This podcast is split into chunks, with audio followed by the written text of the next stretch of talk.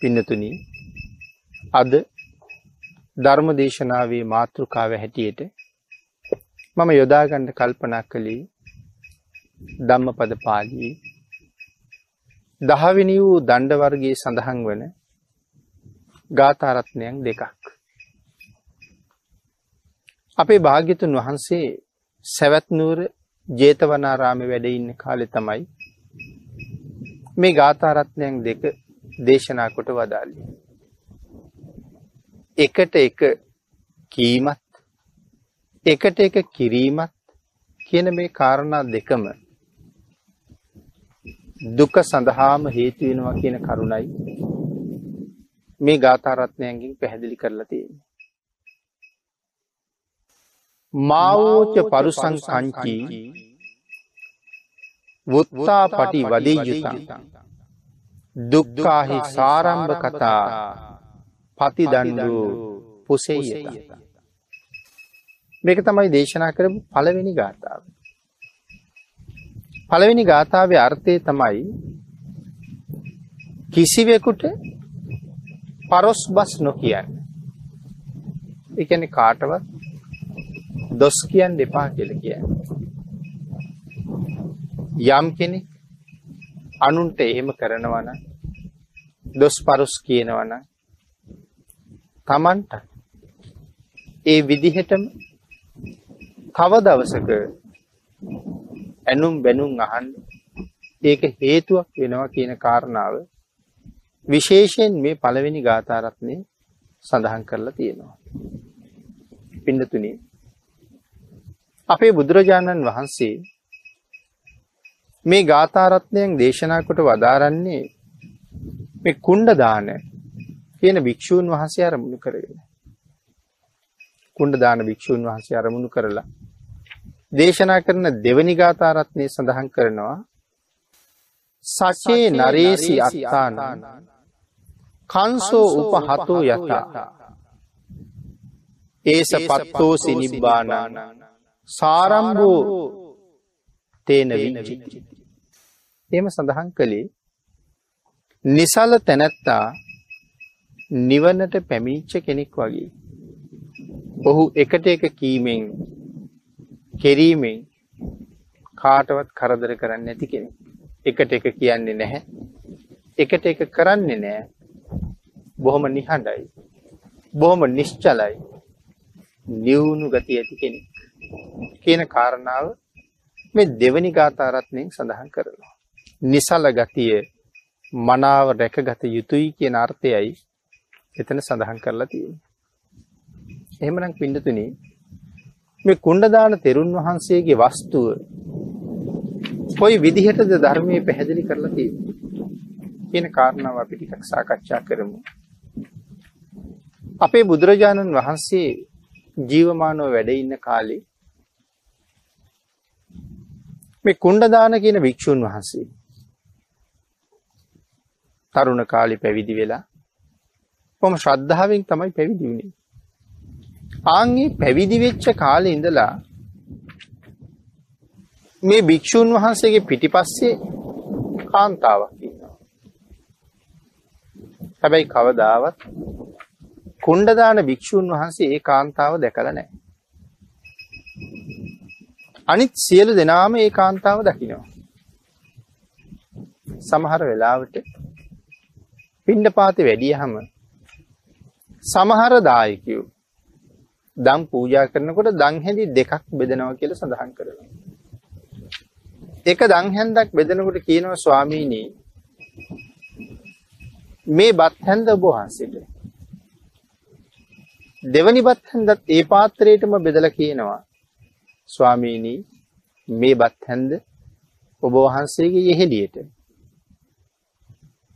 එහෙම කියලා බත් හැඳි දෙකක් බෙදෙනවා. පිළිතුරු මෙහෙම කාලයක් ගෙවුණා. කොණ්ඩදාන භික්ෂුන් වහන්සේ පිළිබඳව භික්ෂූන් වහන්සේලා තුළ මහා අප්‍රසාදයක් ගොඩ නැගුණා. දායක පිරිස් අතර එහෙම අප්‍රසාද ගොඩනගෙන්න පටන් ගත්තා. මොකටද අප්‍රසාදේ උන්වහන්සේ යන යන තැන තරුණියක් උන්වහන්සේගේ පස්සෙන් එනවා. එතකොට මේ තරුණිය දකින්නේ කවුද? කුණ්ඩදාන තෙරුන් වහන්සේ හැර අනික් හැම කෙනෙක්ම මේ තරුණිය දකිනවා. නමුත් කුණ්ඩදානයන් වහන්සේ දකින්නේ නැහැ. එතකොට මේකට හේතුව මොකද්ද? හේතුව හැටියට දක්වනවා අතීත කතාවක්. මොකක්ද මේ අතීත කතාව? මේ කුණ්ඩදාන වික්ෂුන් වහන්සේ මීට කලින් භවයක තෞතිසාවේ ජීවත් වෙච්ච දෙවි කෙනෙක්. කාශ්‍යප බුදුරජාණන් වහන්සේගේ කාලේ ඊටාම සහෝදරත්වයෙන් ආශ්‍රය කරපු නිතර වුණවුන් හා සතුටින් කටයුතු කරපු සමගියෙන් ඊටාම උසස් භික්ෂූන් වහන්සේලා දෙනමක් වැඩ වාසය කළා. හරිම සමගීමේ භික්ෂූන් වහන්සේලා දෙනම. එක දවසක් මේ භික්ෂූන් වහන්සේලා දෙනමම පෝය විනය කර්මය කිරීම සඳහා සංඝයා රැස් වෙන තැනට වැඩම කරන්න මගට අවතීර්ණ වුණා. මාර්ගයේ ගමන් කරනකොට එක භික්ෂූන් වහන්සේ නම අනික් භික්ෂූන් වහන්සේට කතා කරලා කියනවා ස්වාමීනි මට ශරීර කෘත්‍ය කිරීමේ අවශ්‍යතාවයක් තියෙනවා. ඒ නිසා මම ටිකක් බැහැරට ගිහිල්ලා සිරිරු කිස නිමවාගෙන එනතුරු ඔබ වහන්සේ උතන වැඩ ඉන්න කියලා. ඒ භික්ෂුන් වහන්සේ එතන නතර වුණා. අනික් භික්ෂුන් වහන්සේ පාරෙන් ඉවත් වෙලා ටිකක් වනල හැබට ඇතුළු වුණා. මේ භික්ෂූන් වහන්සේලා දෙනමගේ සමගිය ඉවසපු නැති අර තෞතිසාවේ හිටපු දිව්‍ය පුත්‍රයා කල්පනා කළා මේ සමගිය බිඳින්න හොඳම අවස්ථාව මේකයි. අර භික්ෂුන් වහන්සේ ශරීර කෘත්‍ය කරලා ආපහු පාරට එනකොට පින්නතුනි අර දිව්‍ය රාජයා කාන්තා වෙසක් මවාගෙන අර භික්ෂුවගේ පිටිපස්සෙන් එනවා ටිකක් වෙහෙසට පත් වුණ බවකුත් පෙන්නනවා හිසකෙස් අවුල් වෙලා තිබුණ නිසා ඒ අවුල් වුණ හිසකෙස් ඒකාතකින් හදනවා අනික් අතින් ඇඳගෙන ඉන්න රෙදි පොටි නැමිච්ච තැලිච්ච පොඩි වෙච්ච අවුල් වෙච්ච තැන් වගේ ඒ අවුල් ලිහෙනවා වගේ අනික් අතින් එහෙම හදනවා. එහෙම කර කර පස්සෙන් එනවා. අර භික්ෂුව ශරීරකෘත්‍ය කරලා එනකන් පාරට වෙලා හිටපු භික්ෂුන් වහන්සේ අර පිටිපස්සෙන් එන කාන්තාව දැක්කා. එතකොට ඒ කාන්තාව දැන් අනික් භික්ෂුව මාව දැක්කා කියන නිමේෂයෙන් අතුරු දහන් වුණා. අර භික්ෂුන් වහන්සේ ළඟට ඇවිල්ලා එහෙනම් වඩිමු ස්වාමීනි. එහෙම කෙනෙකුට අනික් භික්ෂුව කියනවා දුස්සීලය. මගේ පස්සෙන් එන්න එපා. උඹ ඔහොම පව්කාරයෙක් කියලා මම දැනගෙන හිටියේ නෑ. හැබැයි මං අද ඒක හරියටම දැනගත්තා. අර භික්ෂුන් වහන්සේලා තේරෙන්නේ නෑ මොන හේතුවක් නිසා මම ශරීර කෘත්‍ය කරලා එන ටිකට මේ භික්ෂුව වෙනස් වුණාද කියලා. නොයෙක් කරුණු කී කියාවලාද කරනවා. එලයි සඳහන් කළානි ස්වාමීනි මට එහෙම කියන්න එපා. මගේ එහෙම දුසිල් බවක් නැහැ. මගේ සීලයේ අල්ප මාත්‍ර හානියක් නෑ ස්වාමීනි. ඔබ වහන්සේ මාව නසන්න එපා. මට කරනවනම් චෝදනාවක් කරන්න තියෙන බරපතලම චෝදනාවයි ඔබ වහන්සේ කරන්නේ. මෙහෙම කී කියා නොයෙක් විදිහට බැගෑපත් වෙමින් ඉල්ලීම් කළා. අර භික්ෂුව නෙමෙයි පිළිගත්තේ මේ භික්ෂුන් වහන්සේ කියන කතාව. උන්වහන්සේ කියන ඔබ මොනවා කියනවද? මට නෑ කියන්නද හදන්නේ. මේ කවුරුවත් කියලා නෙමෙයි මගේ ඇස් දෙකෙන්මයි මම ඒක දැක්කේ. මගේ දුසිල්වන්ත බව. මගේ ඇස් දෙකෙන්ම දැක්කා. එහෙම කී කිය උන්වහන්සේ කියලා. කියලා දෙන්නම පෝය කරන තැනට ගියා. කතා බහ නැහැ. ළඟින් යන්නෙත් නෑ දුරින් යනවා. අර භික්ෂුන් වහන්සේ පෝය කරන තැනට ගිහිල්ලා සඳහන් කළා මොහුත් සමග මම පෝය කරන්නේ නැහැ කියලා. අනික් භික්ෂුන් වහන්සේලාටත් උන්වහන්සේ කොයි තරම් කරුණු පැහැදිලි කළත් මේ භික්ෂුව කියනවා ඔය භික්ෂුව කියන දේවල් අහන්න එපා. ඔහු කියන්නේ බොරු. මගේ ඇස් දෙකෙන් දැක්කම ඔහුගේ දිසිල්වන්ත බව. කී කිය කරුණු සඳහන් කරනවා. ඉන්නතනි අන්න ඒ වෙලාවේ අර දෙවියට මහා දුකක් ඇති වුණා. අනේ මම කරපු වැඩේ කොයි තරම් භයානක වැඩක්ද. කොයි තරම් නපුරු නරක වැඩක්ද මම කෙරුවේ. දැන් මේ භික්ෂූන් වහන්සේත් එක පෝය කරන්නවත් කැමති නෑනේ මේ අය කියලා.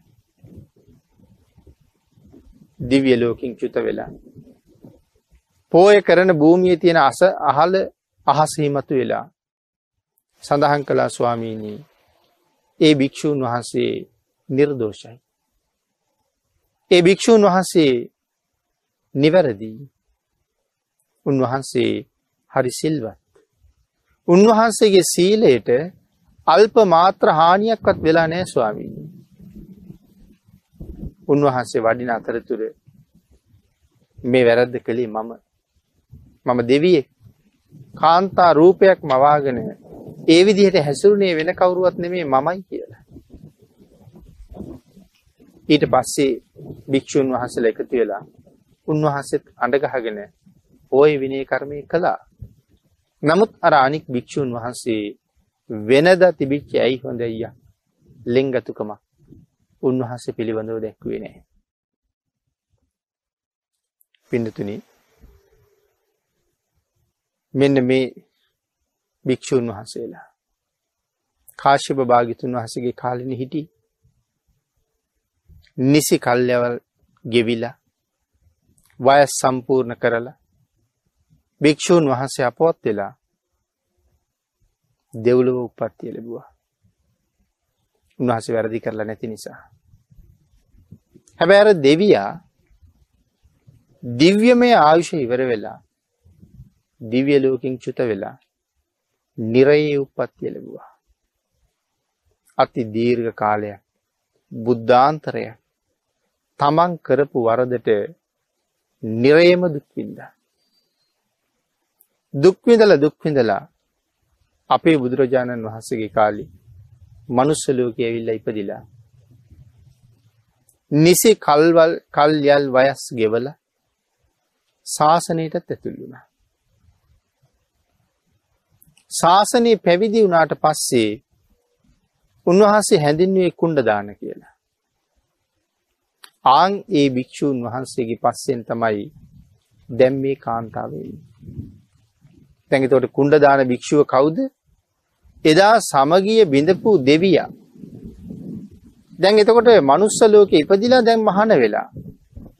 එතකොට දැන් ඒ භික්‍ෂුවගේ පිටිපස්සෙන් කාන්තාවක් එනවා. දැන් අපේ අයට තේරෙනවද කරපු කර්මය එසේම විපාක දෙනවා කියලට. අපි ඕන තරම් ධර්මදේශනාවල් වල සාකච්ඡා කරලා තියෙනවා තමන් යම් කිසි අකුසල කර්මයක් කළොත් ඒක විපාකය එසේමයි කියලා. කෙසේද කරපු කර්මයට අනුරූප විපාකයක් තමයි ලැබෙන්නේ.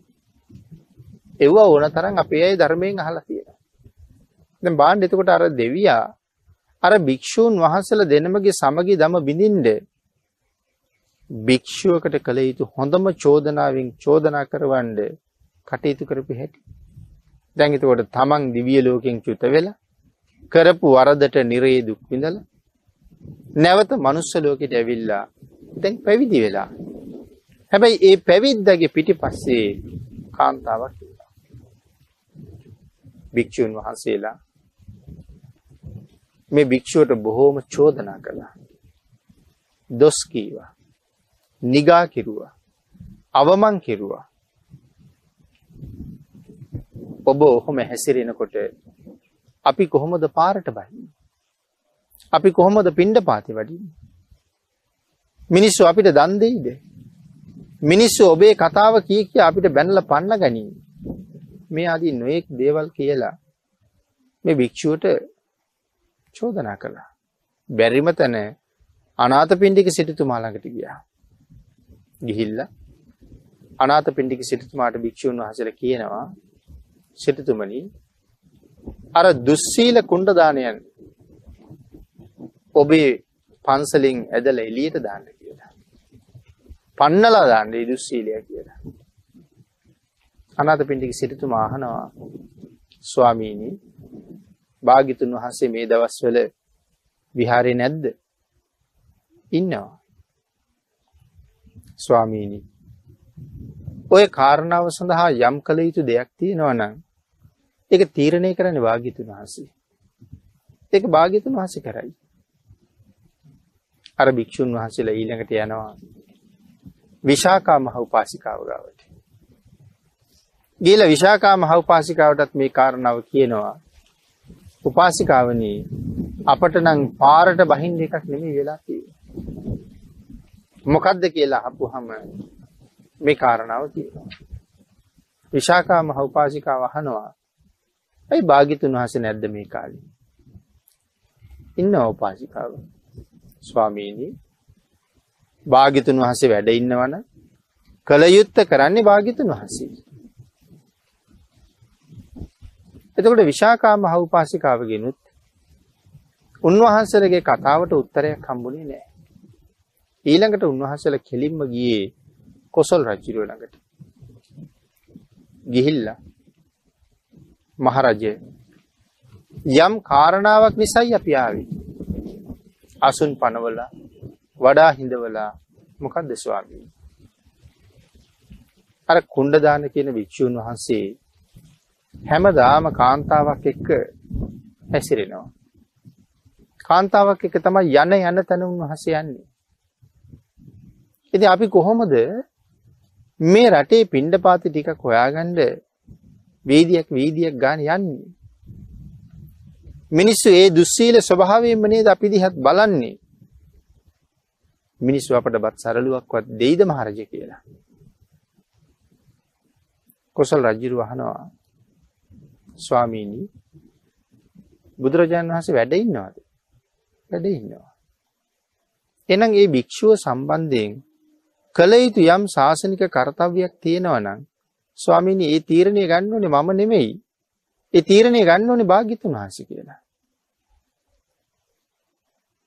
නමුත් භික්ෂුන් වහන්සේලගෙන් අහනවා ස්වාමීනි ඔය කුණ්ඩදාන භික්ෂුව වැඩ ඉන කුටිය කොහෙද තියෙන්නේ කියලා. ඒ කුටියේ තියෙන තැන අහගෙන රජුරු එක දවසක් රාජ බටයත් එක්කරගෙන ගිහිල්ලා කුණ්ඩදාන තෙරුන් වහන්සේගේ කුටිය වටේටම මුරකාවල් දැම්ම. වට කරගත්ත සෙබුලි ගොඩක් කිවේ. රජ්ජිරුව දැක්කා කුණ්ඩදානයෙන් වහන්සේ ළඟර කාන්තාව ඉන්නවා. කුණ්ඩදානයෙන් වහන්සේ වැඩ හිටිය උඩු මාලි රජ්ජිරු තුඩුම් හලට ගියා. කුණ්ඩදානයෙන් වහන්සේට වන්දනා කළේ නෑ. හැබැයි කුණ්ඩදානයෙන් වහන්සේගෙන් අහනවා ස්වාමීනි දැන් මෙතන හිටපු ගැහැණියකු උන්වහන්සේ කියනවා මහරජය එහෙම කෙනෙක් මෙතන හිටියේ නෑ. රජ්ජුරුව කියනව නෑ හිටිය ස්වාමී මම දැක්කා. උන්වහන්සේ කියනවා නැහැ කියලා. රජ්ජුරුව කුණ්ඩදානයන් වහන්සේත් අඩගහගෙන පාත මාලයට ආවා. රජ්ජුරුව තනියම ඉහළ මාලයට ගිහිල්ලා දොර මුළුවල ඉඳලා හැම අස්සක් මුල්ලක් නෑර හොයල බැලුවා. කාන්තාවක් කබා කාන්තාවක් හිටපු සලකුණක්වත් නෑ. හැබැයි රජ්ජුරුව පල්ල හැටෙනකොට කුණ්ඩදානයෙන් වහන්සේ ළඟ අර කාන්තාව ආයිතිනවා. රජ්ජුරුව නැවත උන්වහන්සේගෙන් අහනවා. උන්වහන්සේ කියනවා මහරජේ මගෙත් එක්ක කාන්තාවක් ඉන්නවා කියලා මේ හැමෝම කියනවා. හැබැයි මම කවදාවත් ඔය කියන කාන්තාව දැකලත් නෑ. මම ඇසුරු කරලත් නෑ. කොසල් රජ්ජුරු ටිකක් කල්පනා කළා. රජ්ජුරුව තීරණය කළා මේක වෙන කිසියම් සංසාරික කරුමදෝෂයක බලපෑමක් වෙන්නත් පුළුවන් කියලා. එහෙම හිතලා කොසල් රජ්ජුරු අර භික්ෂූන් වහන්සේට කියනවා ස්වාමීනි නමුත් ඔබ වහන්සේට මෙහෙම කැලලක් තියෙනවා. පිණිසිඟා වැඩිහම කවුරුවත් දන් දෙන්නේ නැති වෙයි එතකොට.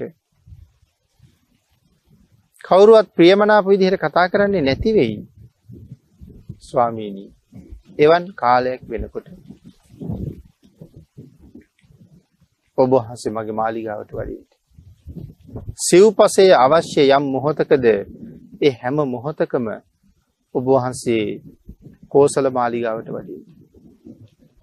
ඔබ වහන්සේගේ සියලු සිව්පසේ සම්බන්ධයෙන් වගකීම මම බාරගන්නවා කියලා.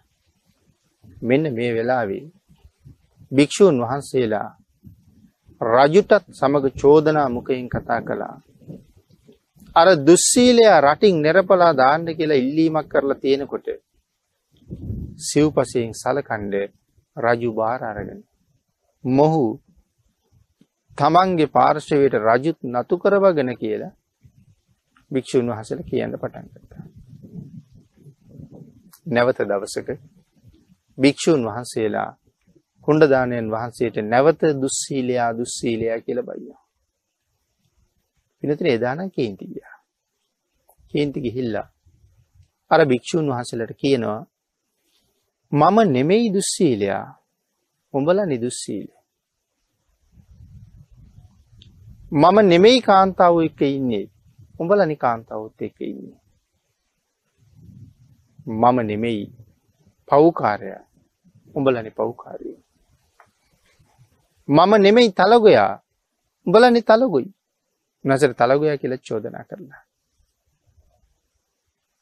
දැන් උන්වහන්සේ නැවත ආපහු අර භික්‍ෂූන් වහසලට චෝදනා කරනකොට මේ භික්‍ෂූන් වහසල බුදුරජාණන් වහසළඟට ගිහිල්ලා ස්වාමීණි කුණ්ඩදාන අපට මෙන්න මෙහෙම කීවා කියල චෝදනාව ඉදිරිපත් කිරවා. බුදුරජාණන් වහන්සේ කුණ්ඩදානයන් වහන්සේටත් පනිවිඩයක් කෙලිය. පනිවිඩයක් කැරලා කුණ්ඩදානයනි මේ භික්‍ෂූන් වහන්සේලාට චෝදනා කලා කිය නැත්තද. එහෙමයි ස්වාමී. මට නොෙක් ආකාරයෙන් චෝදනා කළා. නැති වැරදිවලට මට අපහස කළා. ඉවසලා ඉවසලා ඉවසලා ස්වාමීණී උන්වහන්සල කියන දේට මමත් එහෙමම කීවා. අපේ බුදුරජාණන් වහන්සේ කුණ්ඩදානයන් වහන්සේට අවවාද කළා. ඒ අවවාද කරපු පළවෙනි ගාථාව තමයි පිනතින අපි මුලින් සඳහන් කරන්න යෙදී. එකට එක කීම එකට එක කෙරුම දුකකට හේතුව කියනවා. අං ඒ නිසා කිසිම කාරණාවක් සම්බන්ධයෙන් මේ එකට එක කියන එක එකට එක කරන එක නොකළ යුතු වැඩක් හැටියට තමයි ධර්මය දක්වලා තියෙන. මාවෝච පරුසංකංචි සඳහන් කරනවා පරොස් බස් රොස් බස් එකන අනික් අය අහන්ඩ අකමැති අහනකොට හිතේ දුකක් කනස්සල්ලක් උපදවන යම් වචනයක් තියෙනවා නම් ඒක පරොස් බසක් හැටියට සඳහන් කරනවා. සංසුන් බවට නොපමුණුවනවන ඊළඟට සඳහන් කරනවා කනට යවුල් වැනි රලු වූ වචන නම් ආංගේවට තමයි පරොස් බස් කියල කියන්න. ඉළඟට සඳහන් කරනවා ඒ පරොස් බස් නැවත නැවත කියන එක එකෙන් තමන්ට කවුරු හරි චෝදනාවක් කරහම තමනුත් ඒකට නැවත පෙරලා ප්‍රතිචෝදනාවක් සිද්ධ කරනවන. මේකට තමයි කියන එක ටික කරනවා කියලා. අන්න ඒක නිසා මහත් වූ අකුසල් රැස්වෙන්ඩ තියෙන ඉඩකඩ බොහොම වැඩි. පිඩතුන අපේ භාගිතුන් වහන්සේ කුණ්ඩදානයන් වහන්සේට දේශනා කරනවා. කුණ්ඩදාන්න ඇයි ඔබ මේ භික්‍ෂූන් වහසට එම චෝදනා කළී. ස්වාමිනි මටත් චෝදනා කරපු නිසා. ඔබලා එහෙම චෝදනා කලාද අනික් භික්‍ෂූන් වහසල කියනවා එහෙමයි ස්වාමී. මේ භික්‍ෂුව යන යනතැන කාන්තාවක් එක යනවා. දෙක අපිටත් ශාසනීටත් හොඳ නෑ. ඉතින් එනිසා අපි චෝදනා කළා උන්වහන්සේ අපිට මෙහෙම චෝදනා කළා.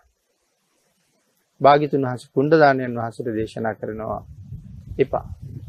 කුණ්ඩදායනීනි යම් කෙනෙක් ඔබට විරුද්ධව නැත්නම් යමෙකුට විරුද්ධව යමක් කියනවද? කවර කවමදාකවත් ඒකට ප්‍රතිවිරුද්ධ යමක් කියන්න යන්න එපා. සාරම්භ කියලා කී පින්නදෙනේ එකට එක කියනවා. ඒක නුසුදුසු දෙයක්. ඒක අකුසල් රැස් වෙන දෙයක්.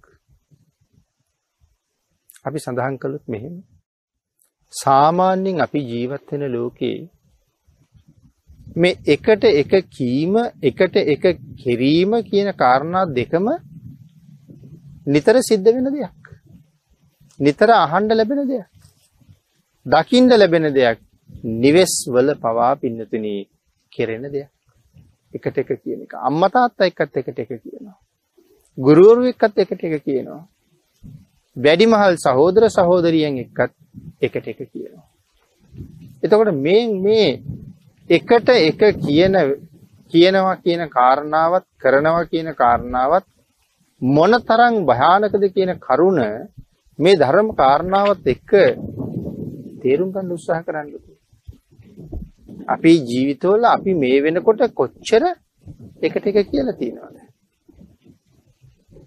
ඒ කියන්නේ කොච්චර දැන් අකුසල් රැස් කරලා තියෙනවද කියන කාරණාව තමයි හැම වෙලාවෙම හිතන්න ඕනේ. ආන් ඊළඟට භාග්‍යතුන් වහන්සේ දේශනා කරනවා යමෙක් එකට එක නොකියනවනම් අනික් අය තමන්ගේ හිත රිදවන යම් පරොස් බස් කියනවනම් හැම පරොස් බසක්ම ඉවසන්න පුළුවන් නම් ඒක ඊට උසස් ඉවසීමක්. ඒක හරි ශ්‍රේෂ්ඨ ඉවසීමක්. ඒක හරි උතුම් ගුණයක්. කියලා භාග්‍යතුන් වහන්සේ සඳහන් කරමින් මෙන්න මේ ඉවසීමේ තියෙන වටිනාකම අනුන්ගේ වචන වලට පෙරලා ප්‍රතිවිරුද්ධ වචන නොකියන එකේ තියෙන වටිනාකම මනාව දේශනා කරලා පැහැදිලි කළා. කුණ්ඩදානයන් වහන්සේට මනවින්ම අවවාද කළා. මෙච්චර කල් ඉවසුවා. ඉවසලා ඉවසලා ඉවසලා අන්තිමට මමත් චෝදනා කළා. පින්නතුනි අපිට එහෙම වෙන්නේ නැද්ද? අපිත් ඉවසනවා. පුදුම විදිහට ඉවසනවා. ද්වේෂය නැති කරගන්න අපි කොච්චර දේවල් කරනවද? දැන් මේ ද්වේෂයෙන් එකට එක කියන්නේ. එතකොට ද්වේෂය නැති කරගන්න මේ ලෝකේ කොච්චර උත්සාහ දරනවද සමහර අය? ද්වේෂය නැති කරගන්න උත්සාහ කළාට අනුන් සිද්ධ කරන යම් යම් ක්‍රියාවන් දැක්කහම යම් යම් හේතුන් දැක්කහම තරහ නොයා තියෙන්නේ නැහැ. තරහ පාලනය කරගන්නම බෑ. හැබැයි ඉවසන අයගෙන හුඟක් දෙනා පින්නතුනි පරාදයි. ඇයි ඒ පරාදයි කියන්නේ? පරාදයි කියන්න හේතුව තමයි ඉවසලා ඉවසලා ඉවසලා බැරිම තැන තමයි මං ඔය වචනයක් දෙකක් කීවේ. කියලා හරි උජාරුවට සමහරලාවට කියන්නේ. ඉතින් පින්නතනේ ඉවසලා ඉවසලා ඉවසලා පස්සේ වචන දෙකක් කිව්ව කියලා කියන්නේ අර ඉවසීමෙන් වැඩක් නෑනේ. පරාදයිනේ තමන්. එහෙනම් ඉවසලා ඉවසලා ඉවසලා බැරිම නම් එතනින් අයින් වෙලා යන්න ඕනේ. ඉතින් අයින් වෙලා ගිහිල්ලා තමන්ගේ හිතේ උපදින ද්වේෂය යටපත් කරලා තමන්ට හිතවත් ප්‍රතිපදාවකට අවතීර්ණ වෙන්න උත්සාහ කරන්න ඕනේ. එහෙම නැතුව ඉවසලා ඉවසලා ඉවසලා බැරිම තැන කතා කරුවා කියලා කිව්වොත් මෙච්චර වෙලා ඉවසපු එකේ තේරුමක් නැහැ. එඳ යන්නේ බැරිම වෙලාවෙත් නොකර ඉන්න පුළුවන් නම් ඒක තමයි උසස්ම කාරණාව කියලා සඳහන් කරන්නේ. අපේ භාග්‍යතුන් වහන්සේ දේශනා කරනවා මහණෙනි මේ ලෝකේ මේ උතුම් ගුණධර්මයේ යම් කෙනෙක් හරියට සම්පූර්ණ කරනවා නම් ඒ මනාව ඒ ගුණය පූර්ණේ කරගත්ත පුද්ගලයා නිවන් නොදැක්කත් නිවන් දැක්කා වගේ කියලා. එතකොට පින්නතුනේ හිතන්නකො මේ එකට එක කියන එක කරන එක ප්‍රතිවිරුද්ධ කාරණාව කියන්නේ කරුණට ප්‍රතිවිරුද්ධ කරුණ මේ ලෝකේ කොයිතරම් භයානක තැනක තියෙනවද කියලා. අපි කොයිතරම් ඔය වගේ දේවල් කරලා තියෙනවද? ඔය වගේ දේවල් වලට යොමු වෙලා පෙළඹිලා තියෙනවද? ඒ කියන්නේ මේ වෙනකොට කොයි තරම් අකුසල් රැස් කරගෙන තියෙනවද අපි? පින්නතුනි මේ එකට එක කීම කෙරුම කියන කාරණාව ආකාර දෙකකට දක්වලා තියෙනවා. කෙනෙක් දානයක් දෙනවා.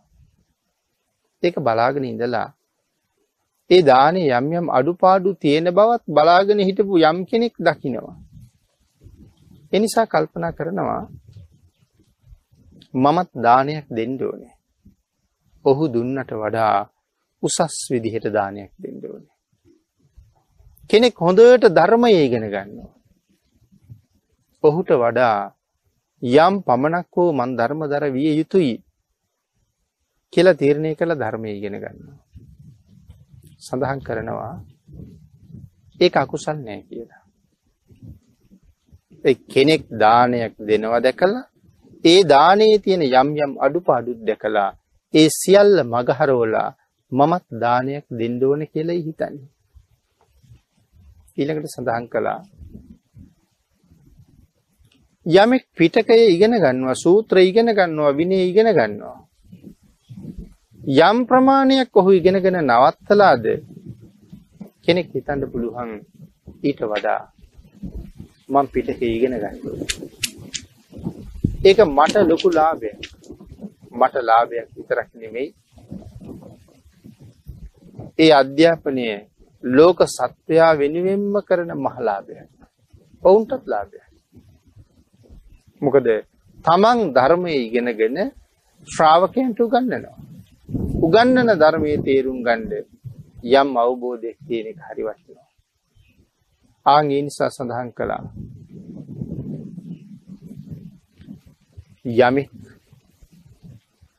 තවත් කෙනෙක් දන් දුන්නහම එහි අඩුපාඩුවද මගහැරලා දන් දෙන්න හදනවන තවත් කෙනෙක් යම් කාරණාවකදී ලබාගත් අධ්‍යාපනය ඒ අධ්‍යාපනයට වඩා මං ඉහළට යා යුතුයි කියලා කල්පනා කරගත්තු. අකුසල් නෑ මොකද මාන නිශ්රිත නෑ. ඉගෙනගත යුත්තේ Tamanටත් අනුන්ටත් යහපතක් සිදු කිරීම උදෙසා පමණයි. මොකද එතන ඉන්න එතන ඉන්න කාගේවත් මොහු අභිභවා යෑමේ බලාපොරොත්තුවක් නැහැ. ඊළඟට සඳහන් කළා තවත් පිරිසක් ඉන්නවා තව කෙනෙක් දානයක් දුන්නහම ඒ පිරිසත් දානයක් දෙන්න තීරණය කරනවා අරට වඩා හුඟක් උසස් විදිහට ඒ දානි පූජා කරන්න හිතනවා. මොකද තාන්න මාන්න නම්බු නාම ගෞරව ප්‍රශංසා නිසා කෙනෙක් ධර්මය ප්‍රගුණ කරගෙන ප්‍රගුණ කරගෙන යනවා. අපි කියමු යම් කෙනෙක් ත්‍රිපිටකයෙන් එක පිටකයක් ඉගෙන ගත්තා කියලා. තවත් කෙනෙක් කල්පනා කරනවා මම දෙපිටෙම දෙපිටකයෙම ඉගෙන ගන්නවා. ඒ ඉගෙන ගන්නේ අර ඉගෙන ගත්ත පුද්ගලයාට වඩා උසස් මට්ටමකට යන්න ඕන කියන චේතනාවත් එක්ක. එතන මාන නිශ්‍රිතයි පින්තුනි. මම ඉගෙන ගන්නේ Tamanට යහපතක් අනුන්ට යහපතක් කිරීම උදෙසා නෙමෙයි. ඉගෙනගත් අයව අභිභවල යන්න ඕන නිසා. ආන්ගේ අභිභවනය කියන කාරණාව ඉක්මවා යෑම කියන කාරණාව තුල මාන නිශ්‍රිතයි දේශ නිශ්‍රිතයි ඒ නිසා ඒ කරුණා කුසල තමන්ටත් අනුන්ටත් යහපතක් උදෙසා නම් ඒ කරුණු කරගන්නේ. ඒක කුසලයක්. හැබැයි ඒ ඉගෙන ගැනීම තුළ Tamanටත් අනුන්ටත් අයහපත වෙනවා නම් ඒක අකුසලයක්. ආන් ඒක තේරුම් අරගෙන මේ කුසලයෙන් අකුසලයෙන් හැම වෙලාවෙම අයින් වෙන්න ඕනේ. කුසලයෙන් නෙමෙයි අයින් වෙන්න කියන්නේ අකුසලයෙන් අයින් වෙන්න ඕනේ. එකට එක කරන්නේ නැතු එකට එක කියන්නේ නැතු කටයුතු කරන්න ඕනේ. කොච්චර වටිනවද පින්නතුනි එකට එක නොකිය ඉන්න එක. තමන්ගේ ද්වේෂය පාලනය කරගන්න එක. නිවන් නොදැක්කත් එවන් අය නිවන් දැක්ක හා තමයි සමානයි. බාණ්ඩ කොයි තරම් ශ්‍රේෂ්ඨ දිවසීම කියලා. කොයි තරම් උතුම් දිවසීම කියලා. බුද්ධාදී මහෝත්තමයන් වහන්සේලා මේ ඉවසීම කියන කාරණාව පිළිබඳව විවිධ විවිධ මට්ටම් වලින් කරුණු දක්වලා ධර්ම දේශනා කරලා තියෙනවා. අපේ භාග්‍යතුන් වහන්සේ මේ මනා වූ ඉවසීම කොයිතරම් ශ්‍රේෂ්ඨ ගුණයක්ද? ද්වේෂය කොයිතරම් භයානකද? ද්වේෂය කියන తত্ত্বය සත්වයා පැහැර ගන්නවා කියලා සඳහන් කළේ. මේ ද්වේෂයට පුළුවන් සත්වයා පැහැර ගන්න. ඒ කොහොමද ද්වේෂයේ විසින් සත්වයා පැහැරගන්නේ? අපි පින්නතුනි හිතලා බලන්න ඔබට ඕන තරම් අත්දැකීම් තියෙනවා මේ කාරණාව සම්බන්ධයෙන්. යම් දවසක බණ අහනකොට ඔබ තේරුම් ගත්තා කේන්ති ගන්න එක අකුසලයක් කියලා. කේන්ති ගන්න එක අකුසලයක් කියලා දැනගත්ත ඔබ එතන ඉඳලා උත්සාහ කරනවා කේන්ති නොගෙන ඉන්න. හැබැයි gedara කේන්ති යන්න හේතු වෙන කරුණුම ගොඩක් තියෙනවා. බිරිඳගේ යම් යම් කටයුතු, දරුවන්ගේ යම් යම් කටයුතු, ඥාතීන්ගේ යම් යම් කටයුතු, තවත් ලැබෙන පණිවිඩ කේන්ති යන්නම තමයි අවස්ථාව වැඩියෙන් තියෙන්නේ. ආන් ඒ හැම අවස්ථාවකම තමන්ට ඉවසන්න පුළුවන්. මොකද ද්වේෂයේ මට්ටම් ගොඩක් සඳහන් කළානේ. මුලින්ම ද්වේෂයේ හිතට ඇති වෙනවා. තව ටිකක් ද්වේෂයේ වර්ධනය වෙනකොට අපි අපේ අණු හොලව හොලව මොනවද හෙමින් හෙමින් මුමුන්නවා. තව ටිකක් කේන්තිය උස්සන්න වෙනකොට වටපිට බලනවා. තවත් කේන්තිය උස්සන්න වෙනකොට වටා පිටාවේ තියෙන දණ්ඩක් මුගුරක් අතට ගන්නවා. තවත් කේන්තියක් වැඩි වෙනකොට ඒ දනුව උස්සනවා පහර දෙන්න. උස්සන් පහර දෙන්නේ නැහැ. ඔසවනවා. හැබැයි තව මොහොතින් පහර දෙනවා මොකද කේන්තිය ඊටත් වඩා වැඩි වෙනවා. අන්න එහෙමනම් අපි හැම වෙලාවෙම උත්සාහ කරනවා මේ මේ විදිහේ ප්‍රභේද මට්ටම් තියෙන මේ द्वේෂය තුල දැන් මම හිතට එන කේන්තියක් මිසක් වචනයක් නම් පිට කරන්නේ නැහැ කියලා. සතුටු නැද්ද? ලෝක සත්වයාට අකුසලයේ පිළිබඳව අල්ප මාත්‍ර වැටහීමක් නැති මොහොතක තමන් විසින් තමන්ගේ හිත මනාව පාලනය කරලා ඒ කාරණාව තව තව ශක්තිමත් කරගන්න ඕන නිසා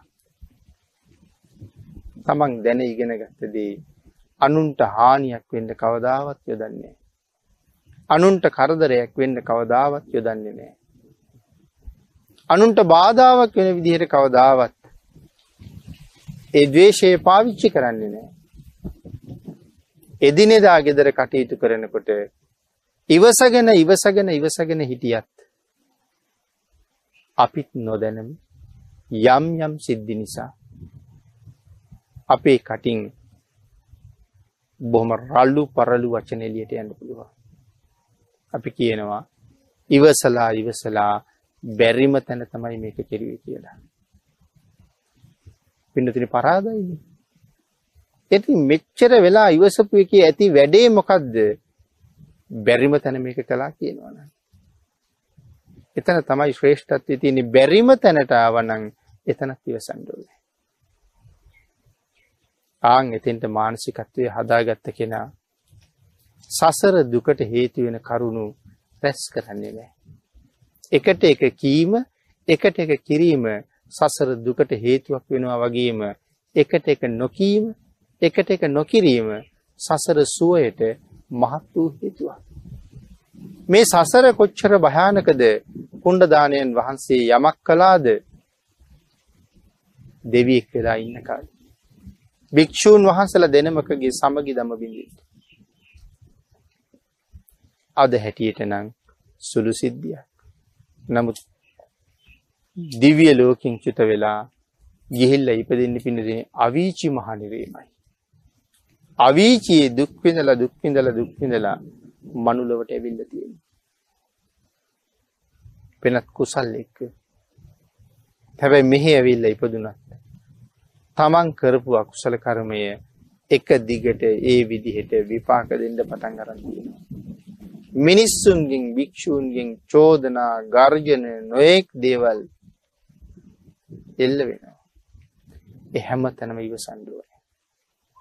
ඉවසපු කෙනාම තමයි මේ ලෝකෙ දිනලා ඉන්නේ. එහෙමනම් පින්නතුනි අපි උත්සාහ කරමු තමන් කරන දේම තමන් පසුපස එන නිසා යහපතක්ම කරමු අයහපතකින් මනාව ඈත්වෙමු. ඒ කාරණාව තුන පිහිටලා ඔබත් මේ අවවාදයට අරගෙන අනුන් සම්බන්ධ යම් යම් සිද්ධීන් තුළ ඔවුන් යම්සේ එකක් කලාද. ඊට වඩා බරපතල යමක් කරලා ඔවුන්ට හානි කරන්න හිතනවට වඩා ඔහු කරගත්ත ප්‍රමාණය ඔහුට තිබුණාවේ මම කරගත්ත ප්‍රමාණය මට තිී. දෙවිය දෙව්ලවින් චුත වෙලා මනුලවට ඇවිල්ලා සෑහෙන කාලය බැනුම් අහන. නමුත් අර භික්‍ෂූන් වහන්සේ අපවත් වෙලා දෙව්ලව ගිහිල්ල උපදිනවා. එද සමගි දම බිඳපු කාලි කතාවයි සඳහන් කළි. එහෙමනම් එකට එක කරන කියන එක මේ සංසාරي හරි භයානක බව තේරුම් අරගෙන හැකිතාක් අන් සමග ගැටෙන්ඩ තියෙන අවස්ථාවෙන් අත්මිදිල කටයුතු කරන්න මේ කරුණු අවවාදයට අරගෙන ආදර්ශයට අරගෙන ඔබ ඔබේ ජීවිතයේ නිවැරදිව පෝෂණය කරන්න කටයුතු කරන්න කියන ආයාචනාව සෙහෙපත් කිරීම කරමින් ධර්ම දේශනාව නිමා